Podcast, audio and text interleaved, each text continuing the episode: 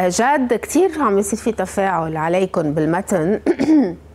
في البعض اعتبر بالبداية إنه أنتم آه، ما عندكم حظوظ إنكم تربحوا. ويبدو اليوم حجم التفاعل يمكن بيأشر لشيء ثاني هلأ بنحكي بالحلقة. آه، حضرتك أنت يعني شخصيا عم بيتم الهجوم عليك من الكتائب اللبنانية من التيار الوطني الحر وشوي من القوات اللبنانية. ما بعرف إذا صح هلا بتصحح من القوات وشوي من التيار. آه من شوي من التيار لأنه شفنا فيديو التيار معاركهم غير محلها غير معاركهم بين بعضهم. بين بعضهم يعني على مين بيطلع ومين ما بيطلع. امم آه طيب خلينا نبلش من إذا بدك أحدث شيء شفناه على مواقع التواصل الاجتماعي. امبارح الوزير السابق شارب النحاس بمقابلة مع زميلي رشال كرم وكان كل ال ال يعني التعليقات إنه وسقط شارب النحاس بجوابه عن اللاجئين السوريين إنه إذا راحوا اللاجئين السوريين مين بده ينظف ويلم زبالة. شو تعليقك على الموضوع؟ هلا اولا آه، اولا في بعض الأطراف حقها تنتقد في بعض الأطراف عم تنتقد لأنه كل واحد عم يشتغل انتخابات فبده يفوت على هيك محلات طبيعي.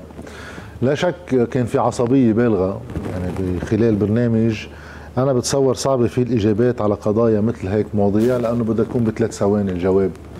فأنا بتصور ما يعني في جانب الانتقاد بفهمه بالشكل ولكن اللي ما فهمته هو وين العنصرية؟ لأنه وقت واحد عم بيقول إنه السوريين بلبنان عم بيجوا نتيجة ظروف اجتماعية سيئة فبيشتغلوا نوعية مهن ما فيها كثير مداخيل عم بيوصف واقع ما في مذمة إذا واحد بيقطف المزارع تبعه ولا بيقطف تفاح ولا ما بعرف شو بيعمل ولا بيلم زبالة. فهذا واقع. فعليا النزوح السوري اللي هربان من حرب جزء منه قدر يكون عنده وضعية طبقة وسطى جزء منه كتير فل من البلد مع انهيار البلد اللي هن من الطبقة الوسطى. أغلب الناس اللي بنشوفهم بالقرى وكذا عم يشتغلوا بهالمهن. هي منا مذمة. العنصريه إذا واحد بيعتبر هيك أشغال عيب يعني كيف بتسميهم؟ إنه هو بتفكير الناس اللي فكروا إنه هو إنه إنه لم زبالة هو إهانة فهو عم بهين اللاجئين السوريين إنه وين الاهانه يعني؟ مم. الفكرة هي بكل بساطة إنه كان بتصور اللي عم يجرب يعمله بثلاث ثواني ثلاث أربع قصص بنفس الوقت فطلع بهيك جملة اللي هو الإشارة للموقف السياسي من موضوع اللاجئين وإشارة للتمايز عن مطلقي دعوات إنه لازم يرجعوا على فطلعت خبرية يعني كان عم بقرأ جملة اللي هي بالبرنامج السياسي عن الموضوع بتريح كثير ناس مقاربة مسألة اللاجئين ليست من الباب الإنساني الإحساني ولا من باب بطبيعة الحال الاستثمار الرخيص عبر التحريض العنصري ضد اللاجئين فالواجب وضع حلول على أساس قراءة واقعية لا متخيلة لقضية اللجوء، حلول ترعى مصلحة الوطن وتحمي مجتمعه وتضمن في المقابل الحقوق الموضوعية للاجئين على أساس وعلى رأسها مسألة التعليم والصحة. خلاصتها اللي عم نقوله بموضوع اللاجئين إنه في حاجة لدولة لحكومة بلبنان تضع برنامج اقتصادي مالي لواقعنا اللبناني بتحدد فيه حاجتها من اليد العاملة الأجنبية في بعض القطاعات وعلى أساس تحديد المصلحة الاقتصادية والحاجة بالعمالة بصير في علاقات مع سوريا انطلاقا من مصلحة لبنان وحاجته له والباقي اللي ما في قدرة للمجتمع لحمله بده واحد يتواصل مع السوريين لتأمين عودتهم. ليش التواصل مع السوريين؟ لأنه وقت واحد بده يعمل شعارات عن الموضوع بده يعرف منين اللاجئين السوريين بلبنان. إذا بنعمل دراسة عن هاللاجئين وانعملت دراسه بنكتشف إنه أكثر من 60% من هاللاجئين جايين مما يسمى بسوريا بال آه، مثل الضواحي. يعني هن بسموها عشوائيات. هالعشوائيات هي محلات أراضي بيجوا الناس بيقعدوا فوق بعض فعليا ما حدا منهم عنده سند ملكية خاصة له نعم. هالعشوائيات خلال الحرب السورية كلها تدمرت بسوريا. إذا هيدا الشخص السوري بلبنان بده يرجع على سوريا ما راح يكون عنده شيء يرجع عليه. ما عنده سند ملكية لا بالعقار ولا بمبنى. فهون في حاجة لتنظيم هذا الأمر مش من خلال الشعارات يجب عودة السوريين كذا وبعدين بنعمل حكومة مع اللي ضد هذا الشيء ونقول إنه مش قادرين نعمل شيء من خلال حكومة عندها هيدي الرؤية الاقتصادية مضطرية تعمل تعداد سكاني لتحصي شو في عنا سوريين لليوم ما عنا رقم رسمي تنقدر نتواصل من دولة لدولة بخصوص الموضوع ونأمن حاجتنا من عمالة أجنبية بالبلد يكون عندهم حقوق ويكون عليهم واجبات. بكل بساطة مم. بس هو التعبير اللي قاله الوزير شرب النحاس كان مستفز بالنسبة لكتار لانهم رأوا إنه هو يكرس هذه النمطية بالنظرة إلى اللاجئين السوريين انطلاقا من جنسيتهم ولصق هذه الجنسية على نوع واحد من الوظائف في الدولة. يمكن اختزال الجواب هذا الطويل اللي قلت لك ثلاث دقائق بثلاث ثواني والعصبية اللي كانت عنده أدت لهالقصة هلا بكل هالهدوء على وقت الصباح إن شاء الله بيكون القصص أروع. أروع.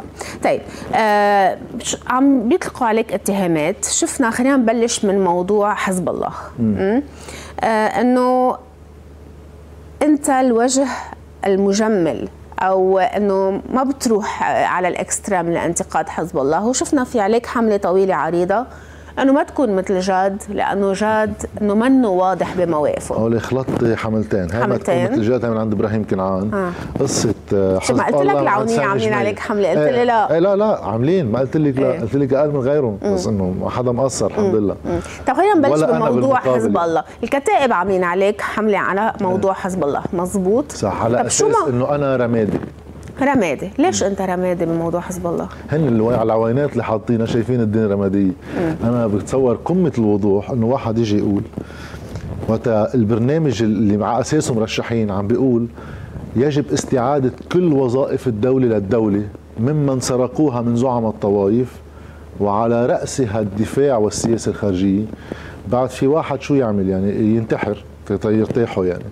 الوضوح لا فيك تقول إنه نزع سلاح حزب الله ودمه للدوله اللبنانية. تماما. شو مشكلتها هيدي الجملة؟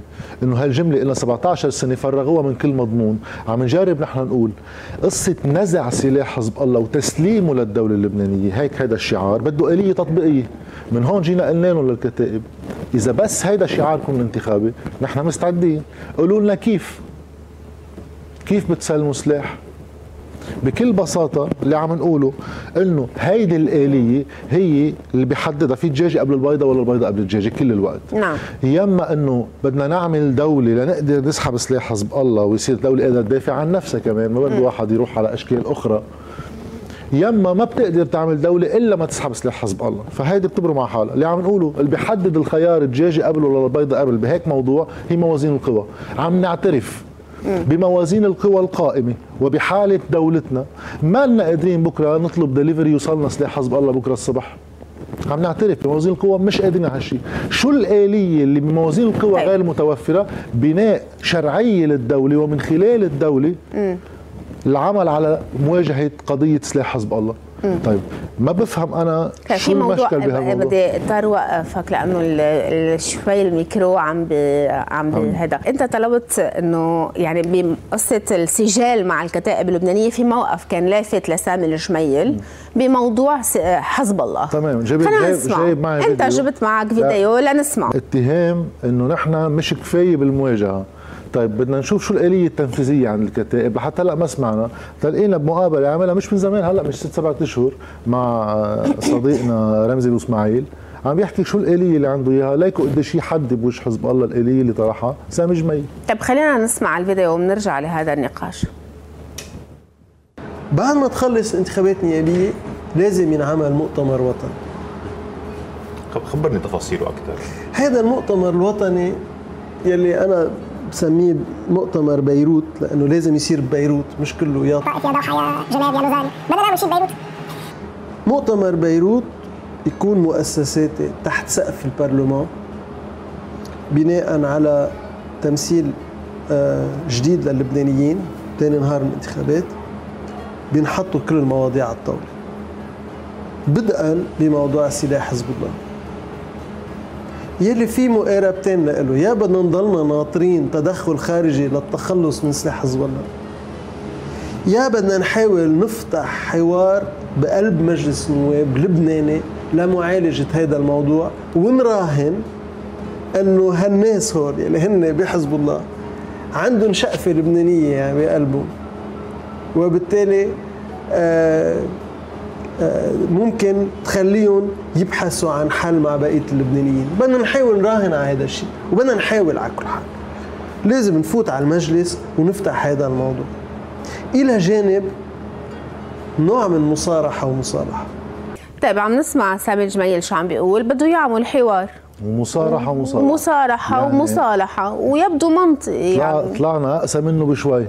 يعني طلعنا اقسى من الأستاذ سامي بشوي لأن نحن بنقول إنه ما في شيء اسمه حوار بالسياسة هاي بدعة لبنانية من قبل مافيات لإدارة البلد. بنسموه حوار بين بعض هن بيختلفوا بين بعض على حصص بس بدهم يديروا البلد بالآخر بيعملوا حوار بين بعض. عم نقول بالسياسة في موازين قوى تفرض تفاوض. ما حدا بيتحاور مع حدا بموازين قوى مش موجود ولا إلى غاية الحوار. نقعد من 2006 لليوم استراتيجية دفاعية. يعني صاروا بتصور كم سنة؟ 16 ما فيش حوار. في تفاوض انطلاق من موازين قوى لإعادة وظائف للدولة. طلعت كل القصة والجدلية اللي فتحها علينا سامي جميل إنه هو بده ياخذنا على حوار مع حزب الله مجلس النواب، مين الرمادي ومين الضعيف ومين القوي، مشان هيك أنا الانتخابات للأسف تستدعي من الناس لعدم مقاربة الطروحات اللي عم نطرحها اللي هي بتوزيع الخسائر بعلاقتهم بالقطاع المصرفي والمالي بتحالفاتهم مع أنطون الصحناوي صاحب بنك SGBL بقصة الصندوق السيادي باع أصول الدولة. ما يجاوبوا على هو كلهم لأن هول إشكاليات لهم تجاه جمهورهم. نفتعل قضايا.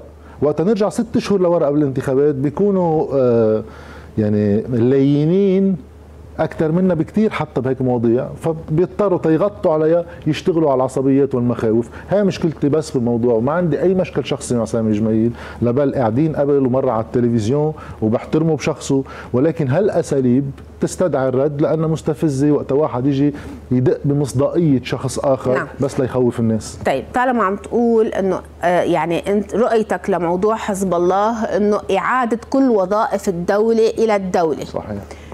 كيف بدك تفرض تفاوض مع حزب الله على آه، آه، آه، موازين قوى معينة؟ من وين حتجيبوا موازين القوى؟ موازين القوى هي بالقوة الشعبية اللي بتقدر تكتسبيها لحالك ومع تحالفات بتعمليها بس مش للأشخاص تبعهم على البرنامج السياسي. موازين القوى رح أعطي مثل تطبيق عليها لحدا عنده إياها. لأن هلا عم نتخيلها عنا. لأن بعد ما عنا إياها بنعترف. خلينا ناخذ التيار الوطني الحر. رئيس الجمهورية ميشيل عون عنده تيار سياسي بالحجم الشعبي بعدد نوابه بعدد وزرائه بصلاحياته كرئيس جمهورية. بتجمعيهم على بعض بموازين القوى بتعطي وزن موجود. طيب اجى سموا له سعد الحريري لرئاسة الحكومة قبل نجيب المئاتي بقي 13 شهر ما بيوقع. انطلاقا من شو ما عم بيوقع؟ من قدرته على عدم التوقيع بموازين القوى. طيب. ليش ما كان عم بيوقع؟ كان عم بيستخدم وزنه لفرض تفاوض مع الأطراف الآخرين على تأليف الحكومة. مشكلتنا معه هي وين؟ إنه على شو كان التفاوض؟ إنه بدل ست وزراء عملوهم سبعة مش الحال. نحن عم نقول إذا واحد جمع من القوة ما يكفي إن شاء الله بنوصل لنهار بصير في هالوزن هيدا. واحد بيقول بهالمثل تحديدا ما بمضي على حكومة غير ما نتفق على برنامجها. أنت يا حزب الله بدك استقرار ولو بأي ثمن حتى لو بدك تجيب نجيب المئاتي ويوسف الخليل زلمة رياض سلامة نحن بدنا استقرار ولكن مستدام. شروطنا للاستقرار تعال نتفاوض على برنامج الحكومة والحكم. يا بنتفق عليه يا نحن خصوم. بس هذا بيتضمن مسألة وظائف وظيفة حزب الله بموضوع تماماً. المقاومة والسلاح تماما. بيتضمنها. لك أكيد.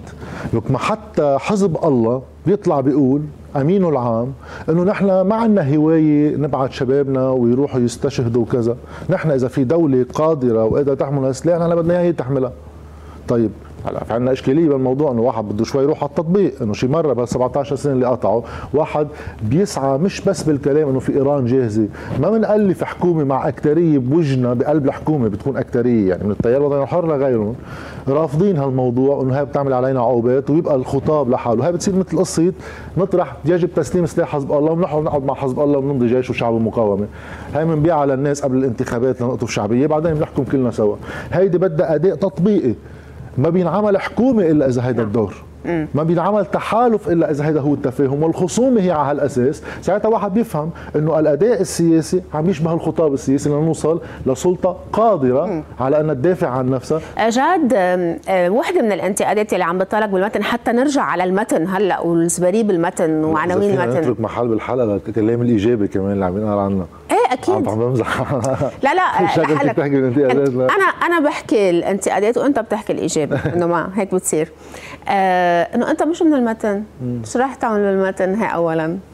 ثانيا في ناس من المتن كانوا على أساس إنه يكونوا معكم بلايحه وما مش الحال بالآخر ولو كانوا معكم كنا عن جد نحن قدام لايحه آه، كان فيها تجيب نتيجة كثير عالية. هلأ آه شغلتين. أول شغلة إنه مش من المتن. صحيح مش من المتن. نحن منطلقين اولا من نفس برنامج سياسي ب 15 دايره انطلاقا من الأزمة اللي نحن فيها اليوم هي أزمة وطنية منا مناطقية.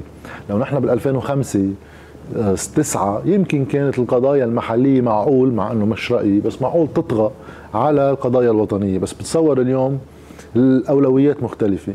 اختيار المتن هو لأنه في حدا مثل إبراهيم كنعان بالمتن شارك بلجنة مال والموازنة بفضايح بالنسبة لي خدمة لسليم صفير وجمعية المصارف and company وأيضا القوات اللي بيدعوا إنه هن مع الكت يعني مع العونية خلاف على كل شيء. بس آدي قبل لمع نايب المتن كان هو عضو بهديك اللجنة اللي بالإجماع بتصوت سوا. يعني بيختلفوا بالقضايا الإقليمية الكبرى. بس قصص صغيره هيدي بحطوها على جنب ويتفقوا عليها يعني مثل مصرياتنا بالبنوكي. ونفس الشيء في الكتايب الذين يدعون إنه هن المعارضة المنتظرة متحالفين مع انطون السحناوي هونيك لأن نظرتنا لاختيار المتن إنه هو اللي مثل يعني كل لايحه لها لون وكل لايحه لها اسم مثل كل بنك له لون واسم بس كلهم جمعية المصارف نفس الشيء هو خلافاتهم هي كيف بيجيبوا زبونات أكثر لكل بس قديش هيدا الخطاب إذا بدك عم بلاقي رواج بالمتن؟ لأنه بالمتن بالمتن في إنه مثل كل دايرة إنه في خصوصيات معينة إنه بيقولوا لك أول شيء هن معودين على شخصيات معينة. يسالون شو جابوا لهم هالشخصيات المعينه آه آه في أحزاب تقليدية آه حتى مثلا في عائلة مثل مثلا بيت مخيبر غسان مخيبر هو على تفاوض مع الأستاذ غسان وليه ما مش الحال؟ لأسباب خاصة بإنه الأستاذ غسان كان بيريد تيشارك بالانتخابات يصير في وحدة معارضة على صعيد كل البلد. لأنه بالمتن فعليا في نحن. ما كان في إشكال هون. ما فيش ثلاث لوائح مثل بيروت ولا ما بعرف وين. بس كان بده يصير على كل البلد. وقتها هيدا ما توفر حس إنه معقول تأثر على المومنتوم تبع الانتخابات لدفع بمشروع سياسي. وحقه. بس هو داعمنا وكان عم بيساعدنا بالتفاوض مع أطراف آخرين. كله هيدا ما بيأثر على قصة ترشحه. ما ريد يترشح. يا ريت ترشح. بس عم نقول إنه في خصوصية بالمتن. هلا أصوات آل مخيبر لمين؟ لأنه بيت مخيبر عندهم تاريخ سياسي بالمتن. هل سي... يعني هل غسان مخيبر هو رح يدعمكم حتى كأصوات؟ لأنه عنده بلوك بترك للأستاذ غسان يصرح كما يريد ما بدي حمله له أي موقف. اللي أنا بعرفه إنه الناس نحن بنشوفها مش بس كبلوكات ثابتة. نحن في عملية إقناع بالانتخابات بيقتنعوا بنريد جدا ينتخبونا ما بيقتنعوا ينتخبوا مطرح ما قناعتهم هذا الشيء مش أساس هو بكيف واحد بموضع خطابه السياسي. فما رح نراضي حدا زيادة عن زوم ولا نزعل مع حدا زيادة عن زوم في خطاب سياسي بيبقى ثابت. بس قصة خصوصية المتن صحيح كل منطقة بالبلد لها خصوصيتها ولكن أزمتنا اليوم في شيء انهيار عم بيصيب أموالنا وفي قوى سياسية يجب مواجهتها بكل المناطق. على القليلة أنا شخصيا لاني عامل كسارات بالمتن ولاني عامل لهم مكبان زبالة بالمتن ولاني عامل زلمة سليم صفير الي سنتين ونص وسارق مصريات المتنيين وغير المتنيين بالبنوكي ما عندنا موبقات ابدا مع أهالي المتن. يعني جامعتنا كانت بالمتن وعندنا اتصال دائم مع المتن فحاملين معنا هالمشروع السياسي على اعتبار هذه قضية وطنية. ما بيلاقوه مناسب أما خصوصياتهم أهم عندهم ميشيل المر عندهم إبراهيم كنعان عندهم ملحم رياشي عندهم سامي جميل في نحن الخيار بيرجع للناس. منا جايين نفرض على شيء على حدا. طيب صحيح إنه أنتم جايين وعارفين إنكم ما حتحصلوا على حاصل؟ لا منا انتحاريين نحن. إنه حتى في اللوائح الثانية عم تقول إنه هول إنه جايين بس إثبات وجود ما رح يحصلوا على حاصل وبالتالي كل حدا بده يروح يصوت لهم حيروح صوته هباء. هلا اولا آه كمان ما بدنا نضلنا على الأستاذ سامي جميل بس لأنه هو أكثر حدا عم بيحكي قصص هو عم بيقول هيك لأنه أكثر شيء يعني مثلا بلوك التيار الوطني الحر هو تيار وطني حر. القوات هن قوات. أما لأنه صار في خلاف الكتائب كتائب. الكتائب كتائب بس الكتائب اليوم إخذ إذا بدك خلاف الم... إيه تموضع معارضة أكثر إنه كل حدا بيعارض هذه القوى. هلأ بدنا نحكي أكثر عن الكتائب لأنه كمان في انتقادات حول خطابك عن الكتائب اللبنانية. إيه. آه فانه في أكثر شيء إذا بدك المنافسة بينكم وبين الكتائب اللبنانية. فالكتائب عم تيجي تقول إنه أنتم ما اخذين حاصل فليش بدنا نزيد صوتنا هيك اولا الكتائب هيك عم بيقولوا نحن مش هيك بنشوف القصة. أنا عم بسألك. الكتائب كل الوقت فاتحين على الحمله لأن وأنا بعتبر شيء منيح. يعني بمجرد ما هالقد حملتهم كبيرة علينا على شو خايفين؟ إذا نحن ما في مجال نربح كان المفروض يكونوا ملتهيين هلأ بخلافاتهم هن والقوات وهن والعونية. على شو كابسين فينا يعني؟ بالعكس وضعنا جيد بحسب مكاناتهم. نحن مرتاحين بحسب مكاناتنا وبتصور نهار الانتخابات الناس رح تعرف كل واحد شو حجمه شو الرقم اللي بياخده. هيدا موضوع بنحطه على جنب. بس هالقضية اللي واحد بيجي بيقول إنه هو جايين يسحبوا أصوات كيف بينزلوا وبدهم يخسروا. طيب بس لنقول له للاستاذ سامي شغلة عن جده الأستاذ بيير جميل. بيير جميل ترشح الياسر بابي بال 1947 على الانتخابات النيابية وخسر عن حزب الكتائب. رجع بيير جميل ترشح بالمتن عن الكتائب بال 1951 وخسر. رجعوا بعدين صاروا يربحوا. إذا بدي سلم جدلا بنظريتهم إنه نحن رح نخسر وبدي سلم جدلا بنصيحته إنه لازم نحن لأنه رح نخسر ما نوقف بوجهن لو سمع منه جده ما كنا عرفنا لا بالكتائب ولا بسامي جميل كان قاعد بالبيت على أساس إنه في اميل قدي مرشح ضده رح يربح. بقى يعني شو هالمنطق هذا اللي هو عن جد بلا طعمة؟ في اختلاف بالسياسة بنحط هالاختلافات بالسياسة وبنخلي الناس تنتخب. لو نحن متفقين بالسياسة وجايين بدنا نعمل نواب بس ما زبطت معه بدنا نطير عند واحد حقه ساعتها يقول شو عم تعملوا؟ أنتم عم تقسموا. نحن ما عم نقسم شيء. نحن في اختلاف جذري. أنتم لائحة تريد صندوق سيادي نوضع فيها مصريات أملاك الدولة وأصولها بنحطها بمصرف لبنان. هاي بتصير قال تعمل أرباح ما بنعرف كيف. ومن أرباحها هاي نعطي للمودعين مصرياتهم. هالفكره وين طلعت أول مرة؟ بخطة جمعية المصارف ب 20 5 2020 ليش؟ لأنه بدهم يبيعوا خبرية تغطية خسارتهم لهم بأملاك الدولة نحن ضد هالأمر بشكل قاطع. بس أنتم بتتشاركوا بهذا الموضوع مع كل اللوائح المعارضة اللي مرشحة اللي متحالفين معهم بكل البلد إيه أكيد. مشروع سياسي واحد. الحديث هو ذاته بالنبطية ولا ببشري. مش إنه هون في شوية حزب الله زيادة من رعايهم شوي هون الناس بتحب بنوك شوي من رعايهم. هيدا الحديث وين ما كان هو ذاته. طيب آه في كلام إنه بالمتن نرجع لخصوصية المتن وخصوصية مم. المناطق. إنه أنت شيوعي وإنه شو جاي يعمل هذا الشيوعي اللي ما بعرف من وين و...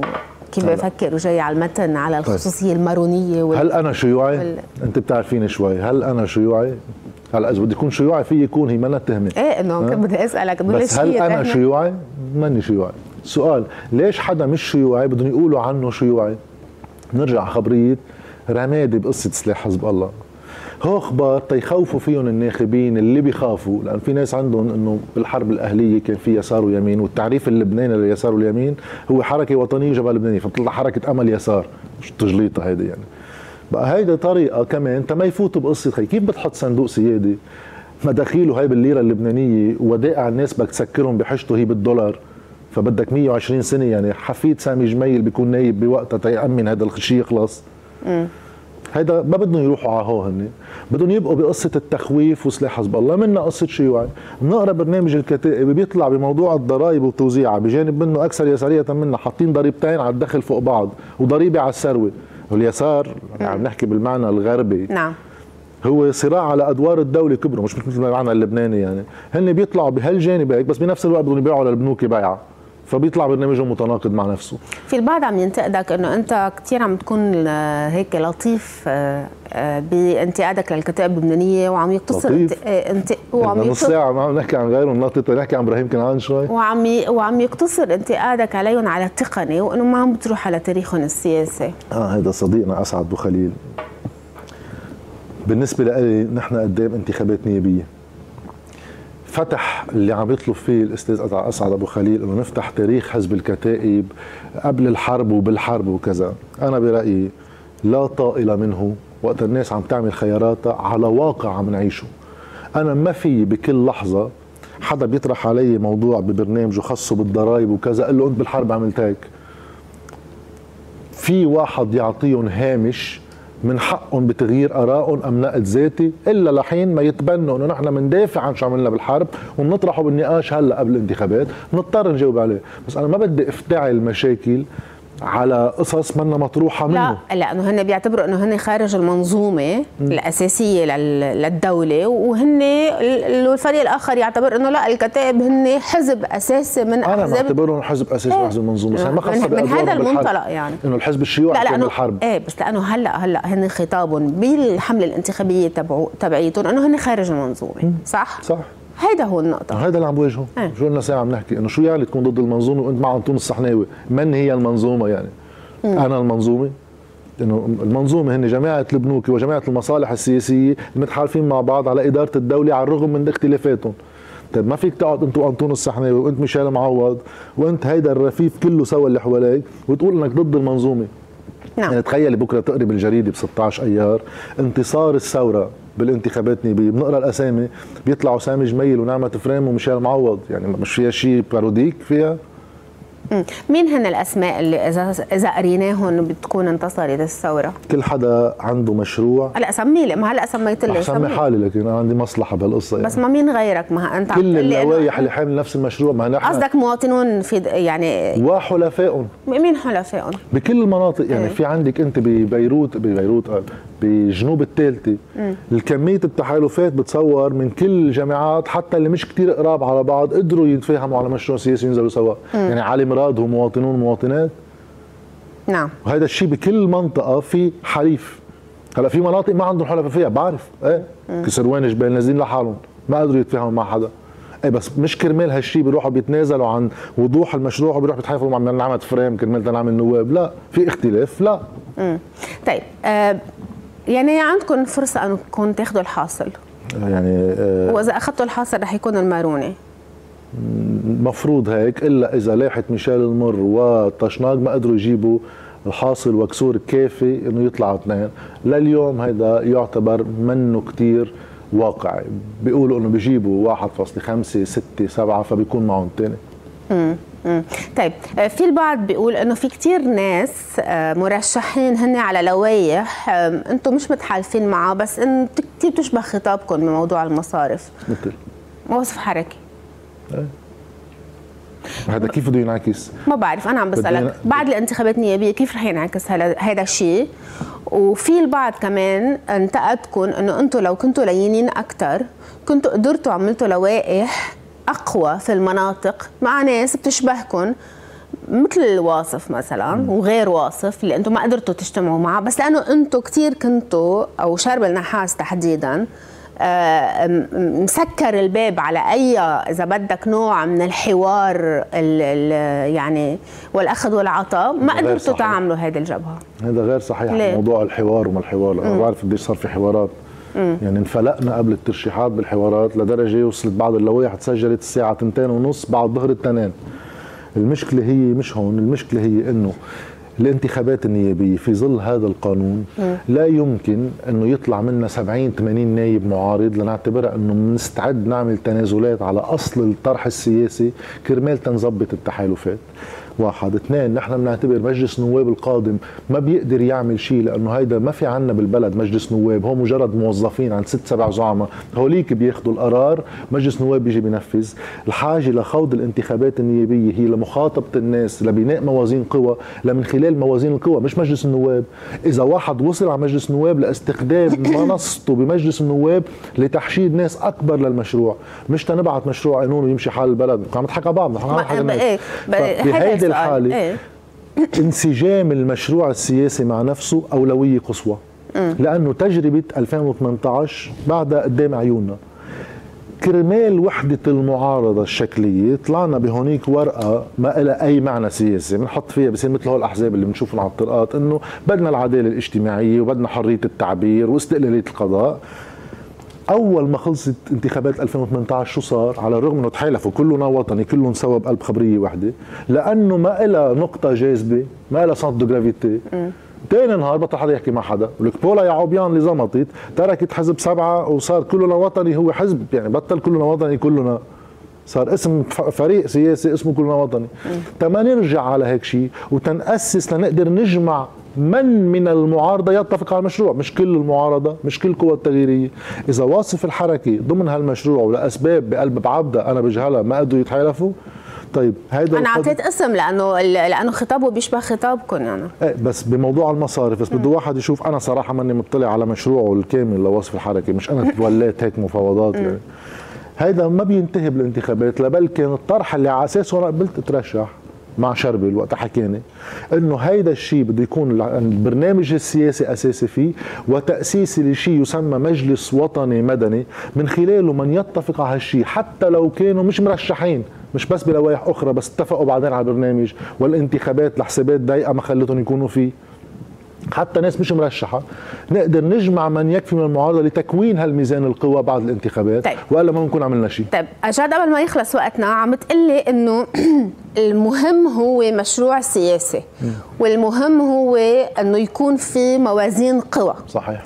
ومش مهم يعني مسألة الوصول إلى مجلس النواب مش كل ما نقدم اقتراح قانون وأنه نروح نقر القانون وهيك صح؟ طب شو أهمية وصولك إلى مجلس النواب؟ أهمية وإذا وصول وصلت لمجلس النواب إنه ش- كيف كيف رح يكون المشهد؟ صح عليك. أهمية وصولنا لمجلس نواب هو إنه بموازين القوى اللي بتجيبي منها أصوات. ما هي شو موازين القوى؟ أول معيار فيها. نجي نحسب على هالجمهورية اللبنانية كلها سوا. قديش أخذين أصوات هالمشروع السياسي؟ قديش أخذ أصوات سامي جميل؟ قديش أخذ التيار الوطني الحر قوة اللبنانية حزب الله؟ واحد يشوف هل الجو المعارض التغييري نمي؟ نعم. ولا بعده من 2018 قصدك الأصوات مش عدد النواب الأصوات. إيه بداية أصوات. الأصوات. عدد النواب يجي ترجمة حكمية لعدد الأصوات فبده يجي نواب. كيف نعم. بيتصرف واحد من موقعه النيابي؟ أنا رأيي الشخصي لازم يكون في دور قيادي بالموقع النيابي لجمع قوى معارضة على المشروع السياسي لأنه في ظهور أكثر لأنه في إمكانية مخاطبة الناس أكثر واحد يستخدم الموقع القيادي للجمع مش لمشروع فردي تنعمل دكانه بشي دايرة انتخابية لنبقى نواب مدى العمر لأنه لا طائل من مجلس النواب إذا بقي شكل النظام السياسي مثل ما هو هلأ. في ست سبع زعماء بيعملوا بدهم إياه بيقعدوا النواب بيمثلوا على بعض بالجلسة بيعلوا إيدهم ما بيلحق يعلي تحت باطه بيكون بري قال صدق ولا ما صدق. ما وقتها حتى استقالت بولا يعقوبيان قالت لنا إنه بالمجلس ما بينعمل شيء. نعم. فتفاجئنا كيف بولا ما بتقبل بهيك بالنوع برنامج لأنه هلأ رجع فايت على نفس المجلس واللي كلنا عارفين أكتريته رح تكون عند بري and company يعني. فرح يرجعوا يشوفوا إنه ضمن هيدي إنه بكرة بدنا نشرع بمجلس نواب ينجح ما رح يقدروا يعملوا شيء. ما أملنا وقت يرجعوا يكتشفوا هالشيء يرجعوا يجوا لعنا. اي يعني عم تقول إنه إنه بهالمجلس النواب ما فينا نعمل شيء انطلاقا من القوانين فينا نعمل شيء انطلاقا من تكوين قيادة معينة لمجموعة من النواب. هي بت بتكون ترجمة فعلية لحجم نمو القاعدة المعارضة خارج مجلس تماما. النواب. وبيروحوا هول كرمال. يشتغلوا مع النقابات. نعمل مواجهة سياسية. تماما. مع القوى اللي هي عندها مصالح بالمجتمع. قديش أنتم يعني شو طموحكم هلا؟ اللي ربح كل البلد. بعرف مش قد الطموح رح لا اكون هلا. قصدي شو طموحكم ال- واقعي. الواقعي؟ ما ما بحب فوت بهالقصص لأنه آه، ببين بمحلات إنه عم ب... عم بعمل دعاية لبعض المناطق أما لنفسي لأنه أنا معتبر حالي وضعنا منيح بالدائره بوقت محل تاني بدي أقول إنه ما عندنا حظوظ. مش مهم. المهم إنه الواقع التغييري بالبلد بتصور على تقدم كبير من 2018 يحو لشو لشو نحترق على الخبر؟ بعد في جماعة تاني طيب آه، أنا تقريبا خلص وقتي بس عندي سؤال سريع. بوحدة من ال- الهجومات عليك آه، بيقولوا إنه كنت كنت بدك تكون مستشار لجبران بيسير. أحلى وحده سمعتها هلأ الحلو هذا الفيديو هذا اللي قلتي عنه ما تكون مثل جاد هيدا عملت أنا فيديو سريعاً،. إيه عملت فيديو عن إبراهيم كنعان هو عم بيجاوب على حاله أنا رفض المناظرة قام دغري على هذا الفيديو بلشوا كله الجيش الإلكتروني تبعه بحط هذا الفيديو اللي هو كله لا- مضحك يعني, شو بده يحكي الواحد عنه. بس على كل حال خلي الناس اللي بالتيار يشوفوا إبراهيم كنعان كيف بيشوف التيار بيشوف إنه جبران بيصير جاي يبرطي للناس. منيح إنه ما اتفقنا على السعر بالنسبة له يعني. وبيشوف إنه حزب الله حاكم البلد وقت حزبه متحالف مع حزب الله. آه، أخبار إبراهيم كنعان آه، مؤسفة لأنه مثل بسينه المحشورة بالزاوية. بس هلأ- عم بخرمش شمال يمين. هلأ البعض بيقول غير هيك البعض بيقول إنه هو مرتاح بالمتن بس أنا عم. بس أنا عم بسألك عن هيدي المسألة إنه صحيحة مش صحيحة؟ شو صار؟ لا مش صحيحة. مش صحيحة. رح أشتغل أنا مستشار عن جبران باسيل ولا باخذ مصاري من سياسي. ووقتها جمعية المصارف عرضت علي عبر شخص إنه تعا لنقعد نعطيك وقائع بالفيديوهات تبعك بتصير تمرقهم لأنه هو وقائع وأنت كصحافي بهمك ال facts ومقابل budget. قلت لهم أنا صحافي إذا عندكم وقائع على رقبتي بدي أقولوا ما في لزوم لل budget. بقى أنا وما عندي حصانة وأنا مش بحاجة لهم أنا كنت بالتيار وطلعت منه بخياري بال 2012 قبل. ما هذه القصة كلها تصير. فأنا بدي أروح أقبض مصريات من جبران باسيل لأحكي ضده لأنزل ضده بالانتخابات. كنت مرشح محل إبراهيم كنعان لا هن عم بيقولوا قبل هيدا كان. يعني هذا بأيام بس ما اتفقنا على السعر دوماج طيب شكرا لك. في بس زيد شغلة. لأنه عرفت إنه سمير صليبة ضيفك القادم. صحيح صحيح. بدي أسألك عن مسألة اللامركزيه الإدارية الموسعة اللي عم ينحكى فيها إيه، وإنه سمير صليبة عم بيقول آه، يعني وحدة من ال- الاقتراحات بالمتن إنه الضرائب اللي بيدفعوها المتنيين خليها ترجع للمتنيين. إنه ليش بدها تروح برات المتن؟ أنا كنت حابب أحكي إنه يجاوبنا على موضوع حزب الله إذا متفق مع سامي جميل. هلا أنا بحكي. طيب. بموضوع شفت الإعلان اللي حاطه سمير صليبه عم بيقول إنه المتن بيدفع مليارين دولار ضرائب. لازم هالضرائب كلها تندفع بالمتن ومشان هيك لازم يصير في لا مركزية. رحت عملت دفواري صحافي أنا. طلع معي إنه ميزانية الدولة بال 2022 كل الدولة اللبنانية قديش بدها تدفع ضرائب قديش بدها تقبض ضرائب للناس؟ كل هالدوله اللبنانية مليار فاصلة ثلاثة ثلاثة يعني مليار و300 مليون دولار. فما في إمكانية المتن يكون عم يدفع مليارين دولار. نعم. وطلع معنا بعدين بقصة اللامركزية إنه بيروت والشركات الكبرى اللي 90% منها ببيروت بيدفعوا من ضرائب الدخل 89% إذا ما نوزعهم جغرافيا. كل جبل لبنان بيدفع 9.8% وكل بقية المناطق ما بنجمع فيهم 1.5% اللامركزية اذا انعملت قبل ما نقدر نخلق بنى تحتية لما يرجع من خلال اللامركزية يصير في نزوح سكاني لأن هالمناطق محل نعم. الشغل وكذا بتؤدي لمشاكل بين هالمناطق وبتؤدي لمناطق تصير تحت الأرض ومناطق